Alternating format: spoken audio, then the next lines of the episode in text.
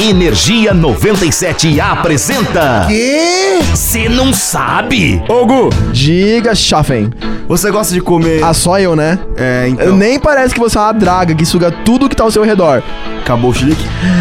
Acabou. Ok. Então, eu tava vendo aqui e parece que tem certas comidas que a gente tem que tomar cuidado ao ingerir. Que tipo de cuidado? Não comer demais por motivos de hallucinations, Belo. Oh, crazy. Exatamente. Parece que alimentos como pão de centeio podem dar alucinações. Como assim? O pão de centeio pode ser infectado pelo fungo da ergô.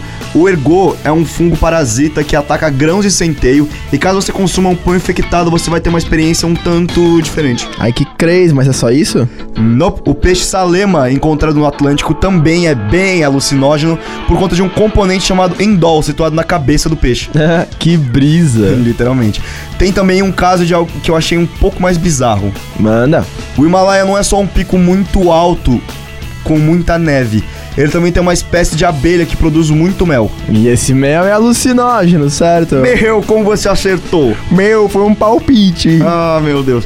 Sim, o mel da abelha do Himalaia tem propriedades alucinógenas muito fortes. E mesmo que seja prejudicial à saúde quando consumido em altas quantidades e o processo de extração desse mel seja muito perigoso, os moradores locais sempre estão coletando essa iguaria e usando para propósitos medicinais. Ô, louco, velho. Mas aí, se quer saber de mais curiosidades bizarramente inúteis, Ou incrivelmente alucinantes. é só ficar ligado na Energia 97 que a gente tá sempre por aqui. Eu sou o Gustavo Fabro. Eu sou o Zé Constantino, nós somos o Cê Não Sabe. Ô, louco, bateu uma onda forte. Eu tô vendo um macaco em cima do poste. Poste, Gustavo. O post-it. Ah, tchau. Energia 97 apresentou. Ah, já sei. O quê? Você não sabe?